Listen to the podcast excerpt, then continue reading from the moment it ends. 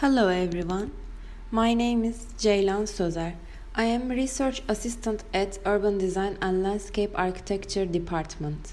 This semester, LAUD 106 Irrigation and Drainage course is given by Professor Dr. Cemil Ata. In this course, we'll tell irrigation of green spaces and drainage for preventing harmful effects of excessive water.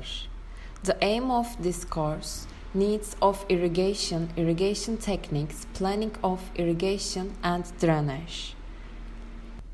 In the course contents, we will see soil water plant relationships, discovering the needs of water, methods of irrigation, equipments used in irrigation, irrigation planning, advantage and disadvantages of different irrigation systems, water resources and pumping units, concept of drainage, drainage of rainwater, drainage, soil re relationships, application of drainage, and draining the excessive water of soil.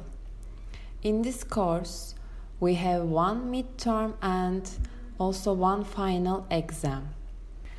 I hope we will enjoy this course and helpful for your professional life. Bye.